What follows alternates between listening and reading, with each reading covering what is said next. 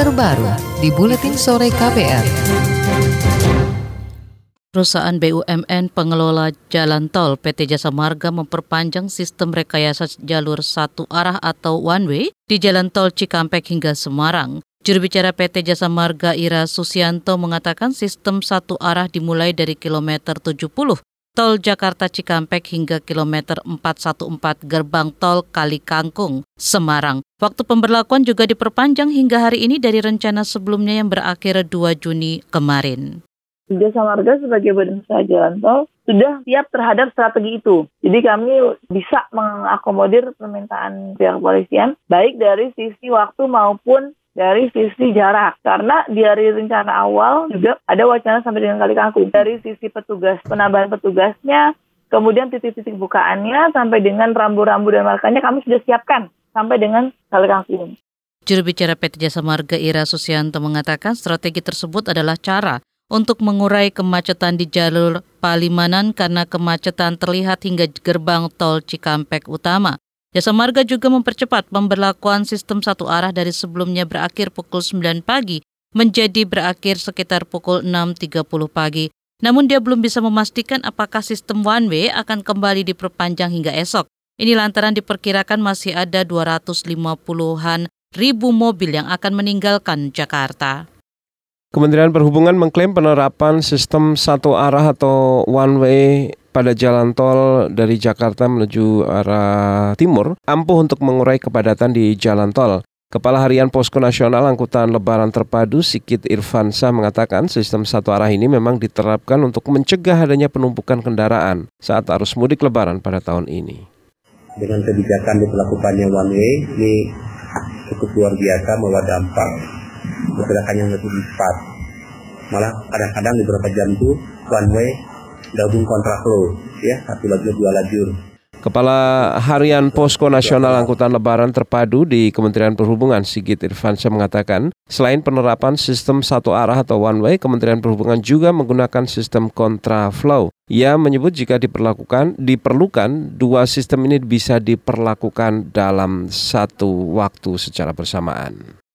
Selain kabar penerapan one way di Tol Cikampek, kita juga akan memantau kondisi arus mudik di Pelabuhan Tanjung Perak, Surabaya. Laporannya akan disampaikan oleh kontributor KBR di Surabaya, Budi Prasetyo. Budi, silakan. Pada Hamin 2 Lebaran, para pemudik di Pelabuhan Tanjung Perak, Surabaya terus berdatangan dari berbagai wilayah di Indonesia. Tadi pagi, sebanyak 980 pemudik dari Balikpapan, Kalimantan Timur telah tiba dengan menggunakan kapal KRI Makassar 590. Kedatangan pemudik itu terlihat disambut langsung oleh Menteri Perhubungan Budi Karya Sumadi, Panglima Komando Armada 2 Laksda TNI Minto Yulianto, Wakil Gubernur Jawa Timur Emil Elistianto Dardak, dan beberapa pejabat yang lain. Budi Karya mengatakan mereka sudah dua hari melakukan perjalanan dari Pelabuhan Semayang, Balikpapan. Para penumpang itu diketahui dari beberapa wilayah. Tujuannya di kabupaten kota di Jawa Timur seperti Malang, Ponorogo, Trenggalek, dan Banyuwangi. Dari pantauan kondisi penumpang di Pelabuhan Tanjung Perak Surabaya sendiri sudah mulai menurun. Memang kebanyakan penumpang yang melewati pelabuhan itu adalah pemudik dari wilayah Kalimantan yang akan menuju Jawa Timur. Salah satu penumpang yang bernama Ida yang bertujuan ke Kalimantan mengaku bahwa jumlah penumpang di pelabuhan itu pada tahun ini sedikit menurun daripada tahun sebelumnya. Dari data petugas, puncak arus mudik di Pelabuhan Tanjung Perak Surabaya sendiri sudah berakhir sudah terjadi pada tanggal 30 Mei lalu. Demikian laporan saya Budi Prasetyo, kontributor KBR dari Surabaya. Terima kasih Budi Prasetyo dari Pelabuhan Tanjung Perak, Surabaya dan kita menuju ke Jawa Barat, menuju ke kawasan Bandung, di mana untuk memantau arus mudik Hamin 2 Lebaran, kita temui kontributor KBR Ari Nugraha yang melaporkan langsung dari kawasan Jalan Raya Nagrek. Ari, silakan. Pada masa perjalanan mudik Lebaran tahun ini, kawasan Nagreg sudah tidak bisa dikatakan sebagai jalur favorit pemudik ke arah timur daerah Jawa Barat Hal itu terlihat dari data kendaraan yang melintas di Jalan Raya Nagrek, hasil pencatatan Posko Pemantau Angkutan Lebaran 2019 Dinas Perhubungan Kabupaten Bandung, Jawa Barat.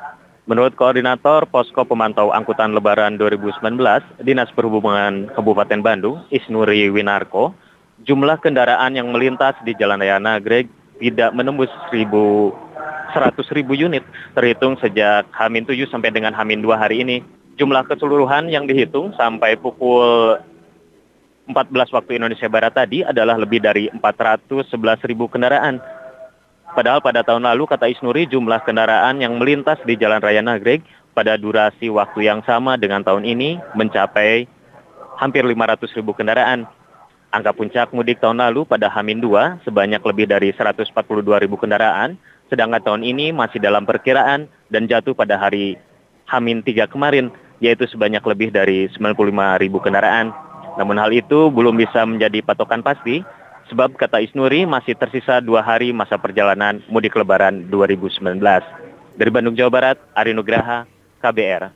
Terima kasih Ari Nugraha melaporkan dari kawasan Jalan Raya Nagrek di mana di sana volume kendaraan yang melintasi kawasan Nagrek terus berkurang dan tidak lagi menjadi favorit untuk jalur mudik tahun ini.